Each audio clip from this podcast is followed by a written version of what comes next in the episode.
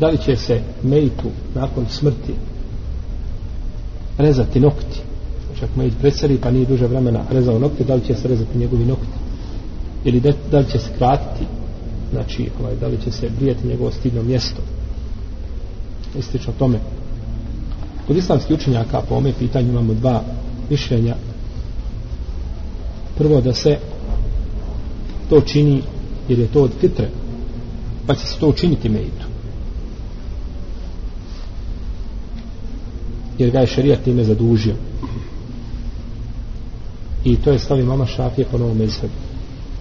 Drugi kažu da je to mekruh da se to neće činiti jer je to uzimanje dijela tijela koji je bio naređen da se čini za života je li tako? To je trebalo činiti za život a nakon smrti to ne treba činiti. Kažu to je kao obrezivanje. A ulema je složa da se mejt nakon smrti da čovjek primio islam ili cijeli život muslima nije bio obrezan desi se, ima takvi slučaj. I umre dobro, nakon smrti ćemo ga obrezivati nećemo jer je obrezivanje bilo radi tahareta, radi čistoće. Toga više nema, to je završeno. Pa kažu tako isto je uzimanje dlaka u tome slučaju kao obrezivanje i kaže imam muzeni od šafijskih učenjaka i Ibn Sirin a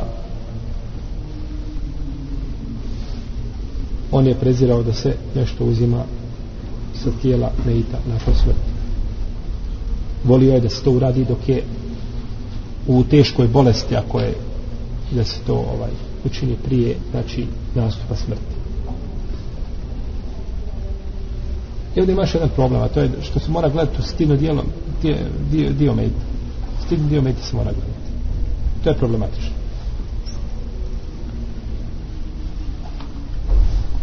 Tako da je ispravnije da se to ne čini.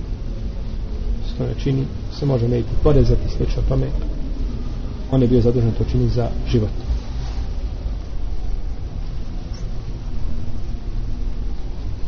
Dobro ako neko otkine nokte mejicu ili obrije dlake sa stidnog mjesta šta će uraditi sa tim? Osnova je da se nokti i dlake da se bacaju. Kosa. Odakle je bilo dlake da se bacaju?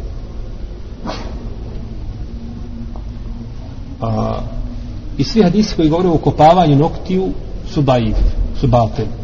spominje imam al-Bekri u svom i drugi ti su hadisi svi batel nisu vjerodostojni. Nema kopavanja noktiju. Zamotaš koji sveći bacaš to je samo opterećivanje. Šta mislite čovjek koji stanuje u jednom jednoj metropoli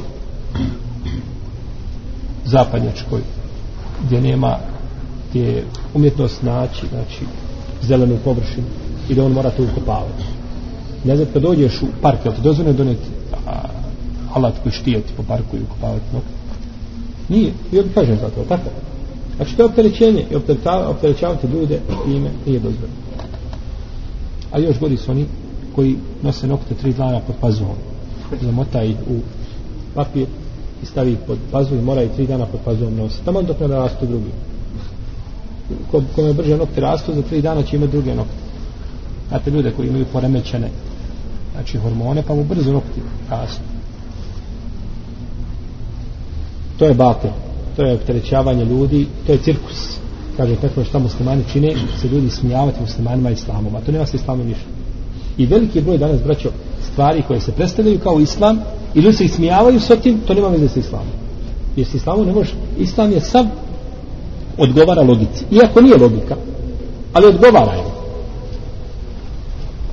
Jer kad neko vidi tamo šije koje se mlate sa lancima i djet, djecu malo siječu noževima po glavi, kaže pogledaj što muslimani rade.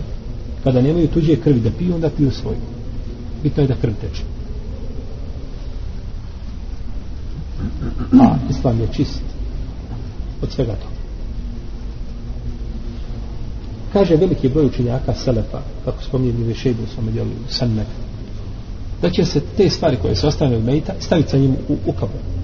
Idu sa njim u kabu. umotaju se na nešto i stave se pored, pored njega. Uglavnom to nije došlo do okaz kada stoji bacilo, ne bi tu tome bilo nikakve smetje.